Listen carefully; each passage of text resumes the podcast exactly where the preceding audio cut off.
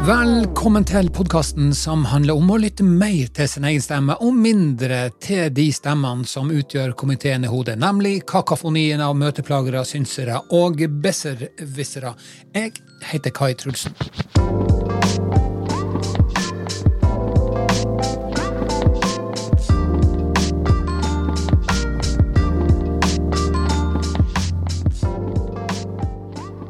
Ifølge forskning.no fantes det ingen eldrebølge for uh, 10 000 år siden.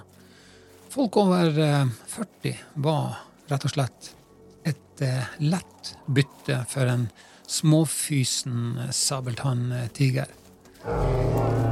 Dermed så ville jo det å passe inn i flokken gi både trygghet og beskyttelse. I alle fall i en stund. For det nytta jo ikke med raske briller på den tida der. Du måtte også være rask til beins. Så if you snooze, you lose.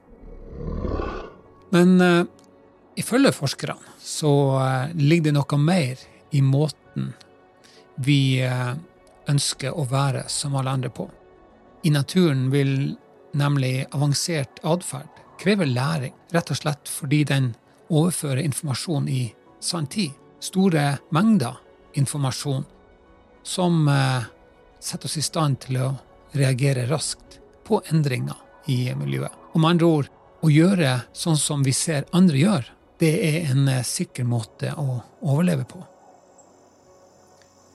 I dag har vi egentlig ingen fiender i naturen. Og vi kan eh, chille i heimen eller gå på Rema 1000 og kjøpe snacks hvis vi kjeder oss. Men vi er fremdeles opptatt av å få innpass i den gemene hop. Faktisk eh, så mye at det begynner å bli et problem. Sånn sett sitter den største faren vi utsetter oss for, mellom våre egne ører. Og eh, vi gjør nesten hva som helst for å få hjerter tomler og likes. Og worst case scenario med det, sånn som jeg ser det, er at det vil styre absolutt alt vi eh, tenker og tror på.